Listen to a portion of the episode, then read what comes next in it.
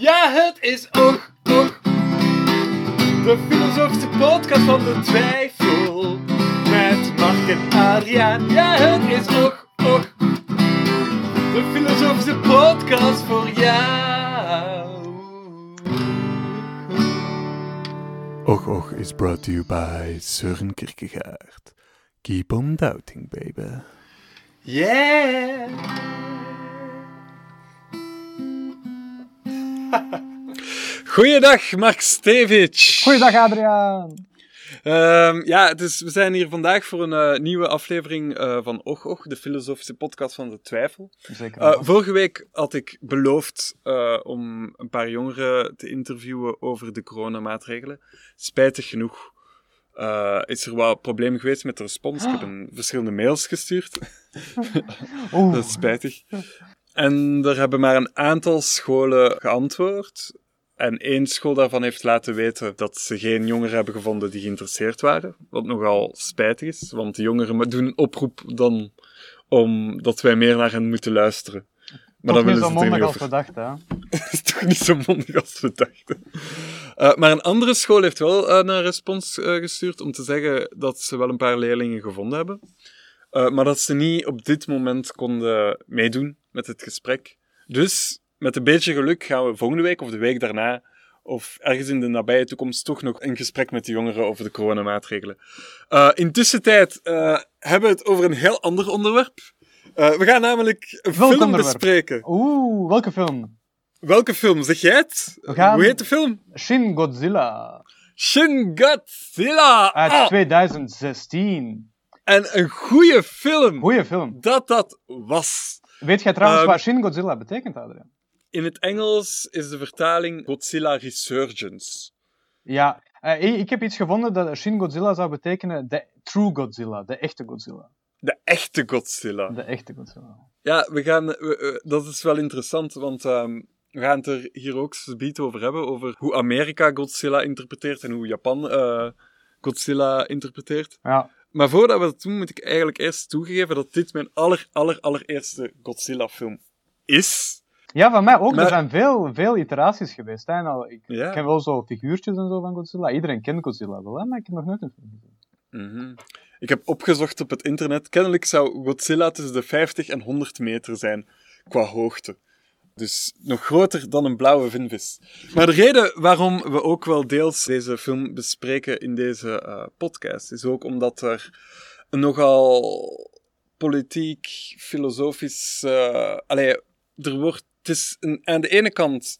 Een tiende van de film is inderdaad Godzilla, Ja. die heel Godzilla-gewijs. Ja, het coole monster met de lasers en het schieten. Die alles en, kapot uh, vernieling En, ja. Exact. Maar negen tiende van de film is eigenlijk vooral bureaucratische politiek. En Mm, de de, manier- reactie erop, hè. ja, wat een heel interessant gegeven is.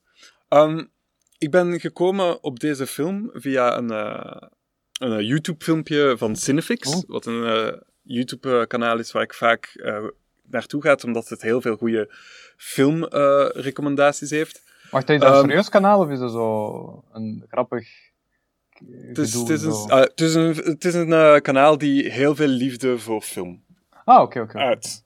Ja. En ze hadden een, een filmpje gemaakt en ik vond dat wel een lichtelijk teleurstellend filmpje waar ze de reactie van de politiek in Shin Godzilla, van de Japanse politiek op het monster die aankomt, vergelijkt eh, met de Amerikaanse reactie op de coronapandemie.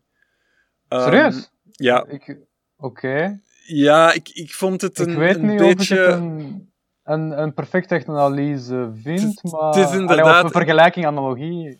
Ik vind het inderdaad ook geen goede vergelijking, maar ze hebben het zo gecherrypicked en zo geknipt en geplakt Ja. op zo'n manier dat ze die vergelijking kunnen maken. Want inherent is Shin Godzilla een film dat een verkeerde reactie op crisissituaties eigenlijk bekritiseert. Een van de inspiraties eh, Mhm. voor, voor de film is de nucleaire kernsmelting in Ja, ja. Fukushima, Ja, die in oké. 2011 is gebeurd, op, eh, in maart. Ik heb opgezocht, over twee weken zou het tien jaar kernsmelting zijn, eh, Fukushima. Alvast gelukkige verjaardag aan een... Een rampzalig ongeluk, hè? Ja, ja, inderdaad. Maar het feit is dat ehm, de regering, de Japanse regering, op dat moment heeft drie maanden nodig gehad nadat, uh, die, dat, allee, dat de kernsmelting is gebeurd, okay, om okay. toe te geven dat er een kernsmelting is gebeurd. Dus ze hebben eigenlijk Oeh. initieel gewoon gezegd aan mensen, uh, alles komt goed, uh, vooral niet panikeren, uh, Ja. we, zijn, we hebben het onder de hand. En dan is er natuurlijk veel respons gekomen, veel, veel heen en weer gepraat. Ja, op dat vlak snap ik dan natuurlijk wel een beetje de vergelijking met corona misschien. Hè? Als, je, als je Mhm. het op die manier gaat bekijken, en inderdaad ook wat er gebeurt in de film een beetje, waar in het begin ja, ze eerst ook niet echt weten wat het juist is, wat er aan de hand is, en, en ervan uitgaan dat het wel goed gaat komen en dat met de makkelijke middelen... Ik weet, in het begin zijn ze ervan overtuigd dat gewoon wat, wat vliegtuigjes sturen om erop te schieten, dat dat gaat oplossen. Wel, En nee, zij- dat was net het ding. In het begin Ja, helemaal in ze het begin... de helikopters op afgestuurd. En, en Godzilla, de eerste versie van Godzilla, eh, ziet er geweldig uit als je Ja, zijn ogen, wauw, wauw, Ja. wauw. Echt prachtig. Gewoon immens dacht- derpy en ik weet niet, ja. Ja, ik, ik, ik was er direct verliefd op. Maar het, het, het, het hele kritiek was net dat ze in het begin de helikopters hebben afgestuurd op de baby-incarnatie van Godzilla. Dus wanneer Ah. hij nog zwak is, wanneer hij eigenlijk verslagen kon worden. Ja. Ehm, maar dat ze toen er niet mee zijn doorgegaan, omdat ze bang waren dat ze burgers zouden raken. Maar dat vind ik nog wel een semi-begrijpbaar ethisch dilemma. Mhm. hè? Zeker Ja, als het dat- echt gaat over mensenlevens op die manier. In de heel letterlijke zin van met wapens bezig zijn om dan echt letterlijk de kans te hebben om ook mensen te vermoorden. Ja, exact. En ik ga daarmee akkoord. En daarom dat ik ook ergens een wat moeite heb met ehm, de manier die de, eh, vergelijking wordt gemaakt met de Amerikaanse respons op de coronacrisis.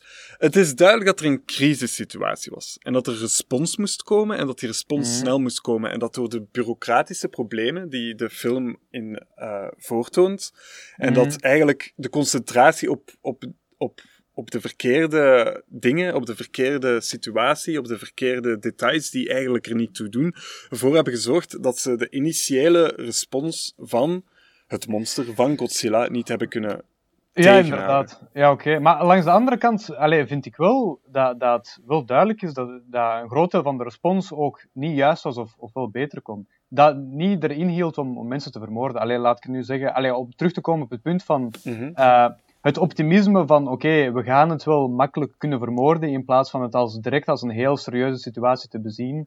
Het feit dat niet iedereen direct geëvacueerd is om... Ja, de- er zijn dingen die ze hadden kunnen doen buiten echt al direct wapens gebruiken die de situatie ook al vergemakkelijkt zouden hebben of minder mensenlevens gekost zouden hebben, om het zo te zeggen. Mhm. Dus op dat vlak vind ik wel dat dat moment van dat ze zeg maar willen schieten met, met de helikopter is voor mij een heel sterk ethisch dilemma. Maar het feit of je nu mensen al op tijd gaat evacueren, denk ik dat dat altijd bijna, of dat dat een minder, minder zwaar debat is, om het zo te zeggen, of dilemma. Mhm. Dat ze daarin wel sneller hadden kunnen, kunnen toetreden en in actie schieten. Ja. Het ding is, allee, wat ik altijd... Ik, ik heb altijd zo het, de, de tendentie om empathisch te zijn tegenover de mensen op een scherm, ook zelfs mensen waar je eigenlijk niet Mhm. akkoord mee zou moeten gaan. En ik, ik, het probleem dat eigenlijk bij een crisissituatie zich voordoet, en vooral dan zoals Godzilla, een nucleair monster dat eh, aankomt in een stad, je weet niet hoe je daarop moet reageren. Mm. En je ziet dan een hele politieke, bureaucratische heen en weer ge- gedaan tussen politiekers van, eh, die zeggen, ja, maar ik wil daar niet mijn hand voor in het vuur steken, of misschien moet Ja, je daarop, di- daarop. Maar aan de andere kant, ik, ik, ik zit mezelf voor te stellen, stel dat ik in een crisissituatie zou zitten en ik plots alles moet beginnen beslissen over een, een, een entiteit dat ik niet ken. Mhm. Ik- Nee, tuurlijk, dat is voor niemand eh, in principe makkelijk. En eh, ik, ik denk ook, alleen even wat ik nog eh, daar dan over wou zeggen, niet alleen de, de, de politiekers, maar ook de wetenschappers. Ik weet dat er zo, in het begin komen er zo drie experts en ze zeggen eigenlijk ook basically zo, het alles, allee, hetzelfde van, ja, ik heb schrik om mijn credibiliteit te verliezen, ik kan daar nu geen uitspraken over Mhm. doen, er moet eerst meer onderzoek gebeuren, bla bla, we kunnen nu nog niet handelen. En hoewel dat inderdaad eh, wel begrijpbaar is, denk ik ook dat in het begin dat er ook heel veel zeg maar, medeleven of, of, of, of uh, focus wordt gebracht op, het, gebracht op het karakter dat uiteindelijk wel heel hard in actie schiet. Alleen zo'n beetje het hoofdpersonage. Mhm. En hij is eigenlijk van het begin wel al zo van, oké, we, moeten wel, we moeten wel handelen. Dus er is wel, er is wel iemand die het zeg maar op zich wilt nemen. En iemand die, die, de, die de situatie onder controle wilt krijgen. Maar dan eigenlijk de rest die hem ook zo'n beetje afwimpelt en een beetje uitlacht, zeg maar. Snap Ja. Denk je dat dit een uh, representa goede representatie is van realiteit? Uh, dat is moeilijk om te zeggen, maar ik denk dat er sowieso elementen zijn die nog wel dicht bij de realiteit aankomen. Ja, zeker als je inderdaad ook kijkt naar de, naar de, naar de pandemie. Gewoon alleen al dat vlak van in het begin zeggen van één, het is geen monster onder het water, dat kan niet, je snapt, zo'n dingen bestaan niet. Oké, dat is nu, het is een heel fictief ding. Het is normaal dat zouden zeggen dat een immens dinosauruswezen onder water niet zou bestaan. Maar ja, het manier van het eerst zo'n beetje proberen te ontkennen, om dan uit te gaan van de, de meest optimistische uh, oplossing, van we gaan het gewoon kunnen neerschieten. En dan ja, het, het een beetje zwak handelen totdat ze echt merken dat het een heel, heel groot probleem is door zo wat bureaucratie. En, en ik weet niet, ze zeggen ook van elke beslissing die we moeten nemen, moet via een meeting gaan. En dit vertraagt ons. En, en je ziet ook zo'n bepaald moment zijn ze zo van, ze hebben een meeting. En dan moeten, willen ze eigenlijk verder praten, maar over een ander thema. En moeten ze naar een andere ruimte gaan, omdat dat de ruimte is waar dat die zaken besproken worden. Ik, dacht dat ze naar een, ik dacht dat ze naar een andere ruimte gingen gaan, omdat ze plots door hadden dat het een, een, een noodzakelijkheid is, waar, de, waar ze in een geheime, afgesloten ruimte moeten zitten.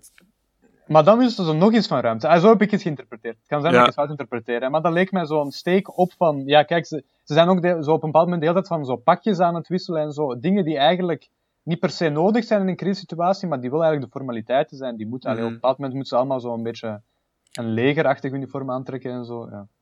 Maar het hele ding, het hele ding uh, waar ik eigenlijk daar wel wil opmerken, want je zit te zeggen van er zit een crisissituatie, we zitten allemaal te doen alsof het niks is, terwijl het wel serieus is, en dan hebben we de mm. grote held van de film die daar dan op zit uh, te drukken. Als ik moet terugdenken naar de tijd van de coronacrisis, hè, toen dat mm. net begonnen was uit Wuhan, en dat dat zo net was aangekomen in Italië. Ja. En dat er dan inderdaad veel zorgen waren, maar dat wij hier in België nog zelf niet echt zo zorgelijk waren over wat er aan het gebeuren was. Nee, inderdaad. En ook ik was daar deel van, want er waren... Allez, ik heb toen discussies gehad met mensen. Er was een vrouw die heel overstuur was over het feit dat België hier niet over sprak. Um, En ik zei daarop van, ja, maar... Allez, de wetenschappers gaan het wel oplossen, niet panikeren. Ik bedoel, het is nog steeds niet in ons land. Ja. En hoewel ik wel ergens begrijp dat dit soort uh, zwart-wit. Want dat is wel een van mijn kritieken van de film. Het, representeert echt de goede respons en de slechte respons. En op het einde van de film, spoilers, uh, is de persoon met de goede persoon, uh, respons de grootste, beste kandidaat om weer herverkozen te worden. Ja, ja. Um, maar ik vind het allemaal zeer onzeker. Hoe moet je daarop reageren? Op zo'n. Hm? Ik, ik was ook. Allee, er zijn natuurlijk experten, virologen, uh, die al in het begin bewust zijn van wat er op ons aan het afkomen zijn. En ik vermoed dat politiekers, of ik hoop dat politiekers op dat moment al uh, in contact met hen waren om dat, dat soort dingen te bespreken. Dat denk ik wel. Maar, maar, ik denk dat je, ja, maar er zijn afwegingen. Hè? En uh, het zijn ook grote dingen waar dat je dan eigenlijk op komt te kijken van. Stel je voor, je doet maatregelen uh, die, je begint al maatregelen te nemen om de situatie eigenlijk al preventief beter aan te pakken. Mm uh, die bijvoorbeeld je economie pijn doen. Je legt al bepaalde dingen stil, je sluit al bepaalde winkels of je vermindert uh, verkeer binnen en buiten het land, bla bla bla. Ehm, en het blijkt dan gewoon een volledig normale griep te zijn, of het blijkt dan niet, niet gevaarlijk te zijn, dan heb je eigenlijk een, een groot verlies. En allee, het is een mhm. afweging, zeg maar. Je moet afwegen tussen het geval als allee, is het, handelt je of handelt je niet? En dan is het gevaarlijk en is het niet gevaarlijk. En natuurlijk, de slechtste combinatie is als je handelt, heel veel handelt, maar het blijkt, voor, het blijkt niet nodig te zijn, heb je heel veel verlies. Maar je kunt ook heel veel winst maken door wel al te handelen, of goed te handelen, als het dan blijkt wel echt gevaarlijk te zijn. Ja, maar het ding is natuurlijk met crisissen, en dat, is ook, dat wordt ook duidelijk gemaakt in de film Shin Godzilla, is dat ook met de coronacrisis. Dit is een probleem dat zich plots in de wereld heeft voorgedaan. Wij waren daar niet op voorbereid en je kunt ook niet verwachten van mensen dat eigenlijk van in het begin al aan ehm, mensen al, al klaar zijn om, om te weten, om, om direct alles plat te leggen voor een, voor, Mhm. voor een probleem die we, waar we eigenlijk nog niet zo bewust van waren. En dat is nu het hele probleem. In de coronacrisis, ik denk dat je altijd kritiek kan hebben over, over van... eh, en, en kritiek geven is belangrijk. Laten we daar even duidelijk over zijn. Het is belangrijk om Mhm. altijd eh, de keuzes en de gedachten en de acties die worden uitgevoerd ter verantwoording toe. Inderdaad, exact. Maar de kritiek kan ook een soort cynisme beginnen te volgen van... Ja, allemaal incompetente Ja, mensen. ja, inderdaad. En het kan nooit goed zijn en dit en dat. Oké. Ja, exact. Dat, snap ik wel. En dat is ook wat het probleem met de crisis die voorkomt. Veel mensen zouden graag gewoon direct een antwoord hebben. Direct Mm. een oplossing hiervoor. Maar het hele probleem met deze crisis, en ook met de crisis eh, van Godzilla, die dan Ja. een team eh experten moet samenroepen met, die, met allemaal wetenschappers die daar op zoek gaan, is dat niet van dag één er een oplossing bestaat om, om een probleem die compleet nieuw is en, en eh, voor Ja, inderdaad. Ja, ja. Maar oké, ja, inderdaad, dat klopt wel. Want eh, ze zeggen ook op een bepaald moment van, oké, waarom duurt het allemaal zo lang eer dat we orders krijgen? En ze zeggen ook van, hier staat nog niks van in het wetboek. Hier zijn geen regels voor. Mhm. Dus dat moet eigenlijk allemaal van het begin, ja, allemaal pas bedacht worden. En, maar ik vind ook gewoon, ik vind het in principe zelfs niet zo erg, maar ik vind gewoon dat het wel een bepaalde, een bepaald, zoals een zwakte van een, van een heel democratische slash bureaucratische maatschappij aanduidt, is als je in crisismomenten zit, dat er soms traag beslissingen genomen worden. En dat is zelfs niet altijd slecht, hè. Want je kunt ook de foute beslissingen nemen, et cetera, et cetera. Het is, het is natuurlijk een heel grijze zone, hè. Maar het is wel, het is wel een feit dat ik denk dat je zo'n situatie is, dat het meestal zo gaat lopen. Dat het meestal een beetje te laat gaat komen. Ja, en ik denk wel dat het voorkombaar is. Of Ja. nu, het ding voordelen en nadelen zijn. dat jij en ik, Mark, eh, dat wij het hier al vaak hebben, over hebben gediscussieerd, dat jij een soort ehm, aannemen neemt dat als we in een wat minder democratisch, meer autoritair eh, politiek zou zitten, dat we inderdaad sneller kunnen reageren op noodtoestanden. Maar zo is niet per se goed of slecht of zo. Ik wil daar ook niks. eh allee, ik, ik vind het leuk om in een democratie te wonen. Hè. Ja, alles Wanneer, mooi, wanneer, we, wanneer we online eh, op de podcast zijn, is democratie. Ja, ja, nee, maar oh, zo ook zo, zo ook zo. Maar ik nee, vind het gewoon het interessant. Ja, ik weet het. Maar ik vind het gewoon interessant om over na te denken. Ik weet niet, ik denk, ik denk dat ik dat wel eens verteld heb. Maar de, in, in, de, in de oudheid hadden de Romeinen een bepaald systeem. Dus ze hadden twee consuls. En Mhm. er was altijd een, er was een senaat en, en er werden meerdere dingen besproken. En, en er was niet één autoritaire leider. Er was geen dictator. Maar in bepaalde crisisgevallen, als, als de grenzen bestormd werden, of ik kan me inbeelden, misschien zelfs bij bepaalde ziektes en zo, was er een, een wetgeving, een, een, een regel, dat aan een van de consuls eh, volledige macht gegeven kon worden. En dat die dan eigenlijk voor een half jaar was dat, denk ik, of voor één ambtstermijn of zo, kreeg die dan de titel ook letterlijk dictator. En ik denk dat de titel zelfs vandaar komt, maar dat, dat zou ik moeten factchecken om, om zeker over te zijn. Mhm. Eh, en ik vind dat gewoon een interessant concept. Want allee, ik neem aan dat die mensen dat wel bedacht zullen hebben met een bepaalde reden. Dat je sneller kunt handelen, ook wel als je ja, mijn, mijn autoritairder systeem zit. Neem ik aan. Ik zeg niet dat je daarom per se juist hoe handelt. Hè. Je kunt juist... Het ding is, wat ik vind met een autoritair systeem, is je kunt sneller... Allez, je kunt meer, je kunt meer doen, dus je kunt ook meer slecht doen. Je kunt, je Mhm. kunt de situatie heel, heel erg opfokken, tot het ultieme zelfs toe. Mhm. En, dan, en dan heb je een groot probleem natuurlijk. Maar ik denk dat het wel toelaat om bepaalde beslissingen snel te maken. En soms kan die efficiëntie juist voor, voor goede dingen zorgen. Ja, het probleem om, van mijn kant om hierop te antwoorden is. eh, het ding is dat het duidelijk is, volgens mij, dat wij hier in de democratie, zoals we die hebben, ook crisiscentrum hebben. En dat die ook op een bepaalde manier handelen met een bepaalde prioriteit. Maar het probleem Hmm. natuurlijk van mijn kant is dat ik hier absoluut weinig praktische informatie over heb. En eigenlijk Ja. weinig over te zeggen heb. Ehm, Misschien Ja, we dat- eens iemand van een crisiscentrum uitnodigen voor de Ja, podcast. in- inderdaad, hoe dat, eh, hoe dat, eh, hoe dat er verloopt. hè, hoe dat, eh, Mhm. Ik bedoel, we hebben, we hebben eigenlijk die noodregering gekregen. Hè. Er was geen regering in België op dat moment. En de noodregering was eigenlijk een soort van crisisachtig... Mhm. Een crisisregering, om het zo te zeggen. Hè. Mhm. En ik denk wel dat... Zij mochten ook alles uitvoeren wat in verband was met corona. En ik denk wel... eh, Maar ik denk niet dat het op, op één persoon berustte, zeg maar. Niet, niet dat ze zomaar alles konden uitvoeren. Hè? Want Nee, het nee, hele idee van de eh, crisisregering is dat het nog steeds een minderheidsregering was.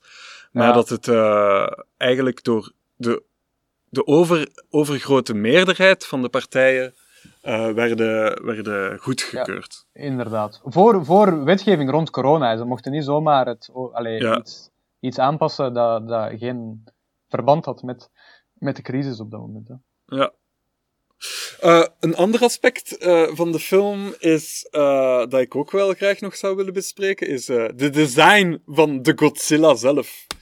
Ja, Dat ik ik gewoon geweldig vind. Ja? Gewoon! Ik wou het ertussen gooien. Kijk, ik moet zeggen, we hebben het al, we hebben het al eens gezegd, hè, maar de, de jonge, allee, of de kleine, pas ontwaakte Godzilla is een van de geweldigste dingen die ik heb gezien in een lange tijd. Exact. Omdat, Dat moet ik omdat wel hij- echt zeggen. Omdat ook de manier hoe hij beweegt over de straten, want hij ziet er heel onbenullig uit. Hè? In, in het begin Ja. denk je van...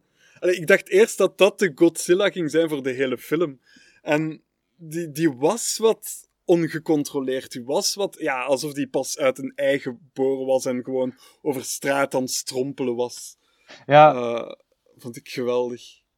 Ja, en, en ik, ik vond het een beetje spijtig toen Godzilla echt cool werd. Toen Ja, echt gevaarlijk werd. Ik, ik, ik was echt gewoon direct verliefd. Ik, van de eerste keer dat ik de eerste Godzilla vorm zag, dacht ik... Ik hoop dat hij wint, jong. Ik hoop dat hij het wint. inderdaad. Maar hij had nog niet een pootje en zo. Ik dacht dat hij ging vechten tegen Godzilla of zo. Ik wist niet dat hij, dat, dat, dat ding Godzilla was of zo. Ik dacht van, wat gaat er allemaal gebeuren? Ik dacht, Allee, dat kan zeg. toch niet dat, ik dacht van, dat kan toch niet dat dit Godzilla is? Maar jawel. Dus En dan duidelijk. blijkt van wel, hè. Maar hij wordt ook wel echt cool, hè. Zeg maar, zo met die laser Mhm. en zo. Wanneer, wanneer dat gebeurt, ik was wel onder de indruk. Ehm, en ja, en dat is wel eigenlijk iets interessants over de manier hoe Godzilla gerepresenteerd wordt in de film tegenover de manier hoe Godzilla gerepresenteerd wordt in Amerikaanse films. Nu, zoals eh, Godzilla is op... Allee, ik heb onderzoekwerk gedaan. Ik zeg, ik heb geen Mhm. andere films gezien, maar Godzilla is origineel dus van een Japanse film. En het representeerde eigenlijk de nucleaire eh, aanval van de Amerikanen op Japan. Ja, Uh, met de nucleaire bommen. Dus eigenlijk een groot gevaarte waar de mensen uh, tegen in moeten gaan. En daarom dat Godzilla ook inherent een, een gevaarlijk, uh, eng monster is.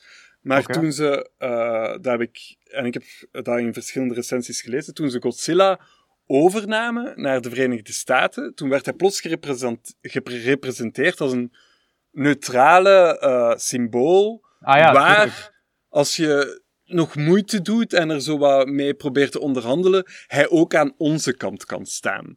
Godzilla! En, ja, en daarom ook dat ze, ze zijn nu een hele franchise aan Ah het ja, doen. tuurlijk moet het aan onze kant staan, want het zijn zij, hè. Het stelt zichzelf voor, hè. Ja, eigenlijk wel. Het stelt de Amerikanen voor, hè. Ja, maar dat, is ook, hè.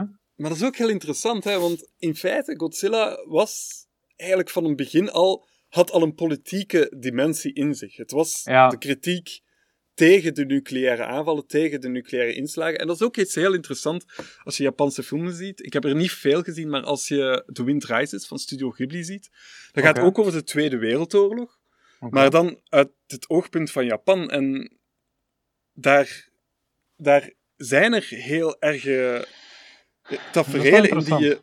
Ja, tafereelen in die je in de westerse films, die dan vooral in Amerika worden gemaakt, waar Mm. Amerikanen heel hoog in het vaandel en... Maar ja, de redders en de... ja, voilà. ja, wat ja. natuurlijk heel ongenuanceerd is. Maar in Japan toont het dan ook aan van hoe, desondanks het feit dat zij inderdaad hebben samengewerkt met eh Nazi-Duitsland op dat moment, dat zij ook Ja. heel harde ellende hebben meegemaakt. En uiteindelijk ook door die twee nucleaire bommen die gevallen waren op hun land. Je moet bedenken, dat zijn mensen die ook in een samenleving hebben geleefd, die ook in een politieke eh, dingen zat, die natuurlijk niet aan de juiste kant zat, of in de verkeerde kant. Je kunt daarin ongenuanceerd zijn.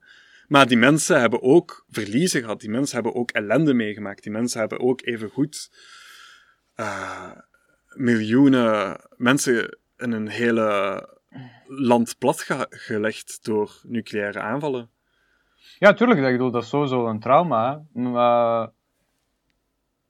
Ja, ik ga me nu... Ik weet niet... Het is niet de bedoeling om ons inderdaad uit te spreken echt over, uh, over fascisme of niet. Uh, ik, zou, ik zou persoonlijk zeggen foute kant, maar maakt in principe zelfs niet zo Ja, uit. tuurlijk, tuurlijk, tuurlijk. Maar het, uh, maar gaat er eigenlijk het, over... Het, het, het, is ook, wel, ook gewoon een, een heel ethisch dilemma. Hè, van, is het ooit verantwoord om zoiets te doen als twee nucleaire bommen op, op een land droppen? Ja, en, maar... en zelfs als je de context er rond weet en, bla bla. Ik denk dat het antwoord daar heel uh, ongenuanceerd natuurlijk niet is. Maar we hebben het hier natuurlijk over dan heel crisissituaties. En of, ja, maar ook, en ook gewoon, oorlog. En... Inderdaad, maar in de film zelf ook. De, de, eigenlijk de oplossing van de Amerikanen is gewoon weer een nuke te droppen. Hè? Ja, exact. Op Japan om Godzilla neer te halen. Hè? En dan is de vraag ook van, oké, okay, want ze komen dan te weten, Godzilla zou zich kunnen verspreiden naar de rest van de wereld. Mm -hmm. En voortplanten en dit en dat. Ja, is dat dan... Is dat een optie die overwogen moet worden, of uh, dit of dat? Ja, het ding is dat dan ook, dat en dat vind ik, het is een beetje een, een sappige uh, conclusie, maar uiteindelijk wordt Godzilla op, op, op niet-nucleaire manier verslagen door samenwerking tussen Ja. de Fransen, de Duitsers, de Japanners, die samen hun, hun wetenschappers samenzetten en dan zo tot een oplossing kunnen komen. Ik, Ehm, wacht, ik wil even twee quotes ertussen gooien. Eh. Er zijn eigenlijk een heleboel dingen die ik nog zou willen bespreken in de film, maar we gaan een beetje naar de tijd kijken ook. Mhm. Eh, maar twee quotes die ik interessant vond. Eén is, spreading knowledge works. Allee, dat is Mhm. natuurlijk een Engelse vertaling, maar dat, dat komt inderdaad op neer van de samenwerking eigenlijk en, en informatie verspreiden, dat iedereen eraan kan werken, helpt om tot een betere oplossing te komen. Mhm. Eh, en dan ook, een quote was, man is more fearful or scary than Godzilla. Als ze het hebben over eigenlijk, volgens mij halen ze het zelfs in de film even aan, van, ja, dat ze, dat ze iedereen willen opblazen, of dat eh, de, de nucleaire dingen al gebeurd zijn, eh, in, in het verleden van Japan. En dan, ik denk zo, de, de eerste, de eerste eh, vrouw die komt als biologist, die zo gewoon zo op de universiteit zat, die zegt er dan van, ja, wij als mensen zijn misschien zelfs enger dan, dan Godzilla, of gevaarlijker Mhm. dan Godzilla. Maar Ja. ook van een coole quote. Ik, en ja, ik denk dat dat zo van die citaten zijn die heel ja, logisch klinken. Maar natuurlijk, in, in realiteit, eh, ja, nee, maar ja. Ja, Ik- nee. ja. Ik Ja, denk nee, dat gewoon- dat een, een nieuwe discussie eh, waardig is. Maar we moeten inderdaad afsluiten. eh, op dit moment. Want we hebben nog een afspraak over vijf minuten. Want we doen mee aan de grote Brusquiz. Eh mocht een van onze luisteraars daar ook aan meedoen, we zien jullie daar. Misschien, weet ik niet. Het is online. Ik weet niet hoe goed het werkt eh, daarmee. Te verbinden. Ja, het zou leuk zijn, hè, inderdaad. Misschien zien we andere mensen op de quiz.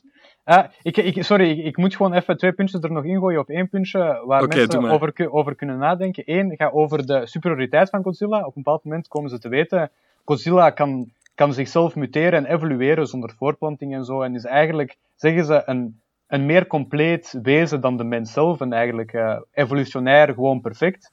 En dan gewoon de vraag van, oké, hoe staan mensen tegenover zoiets? Want mensen zien zichzelf altijd als superieur tegenover dieren bijvoorbeeld. Maar wat als er dan een wezen komt dat plots superieur is aan de mens? Eh, gewoon van ja, hoe dat de mens daar dan tegenover zou staan. Eh, en ook de dingen van verantwoordelijkheid vond ik ook belangrijk. Op het einde zegt zo de, de persoon die alles redt het ook van.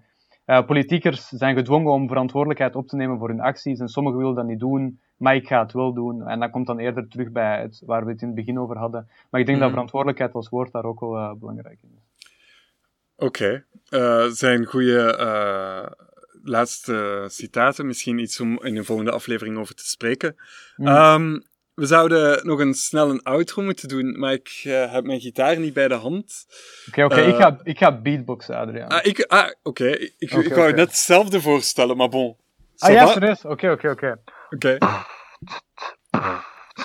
Yo, dit was Oog Oog en we zijn klaar voor vandaag. En ah, de markt gaat niet echt traag. Daarom dat wij nu aan u zeggen, ga naar facebook.com slash oogoogpodcast. Of enkel.fm slash oogoogpodcast. Voor ons te volgen. Voor vandaag en ook morgen. Oeh, blijf twijfelen, mensen. Merci en tot de volgende! Yo, yo.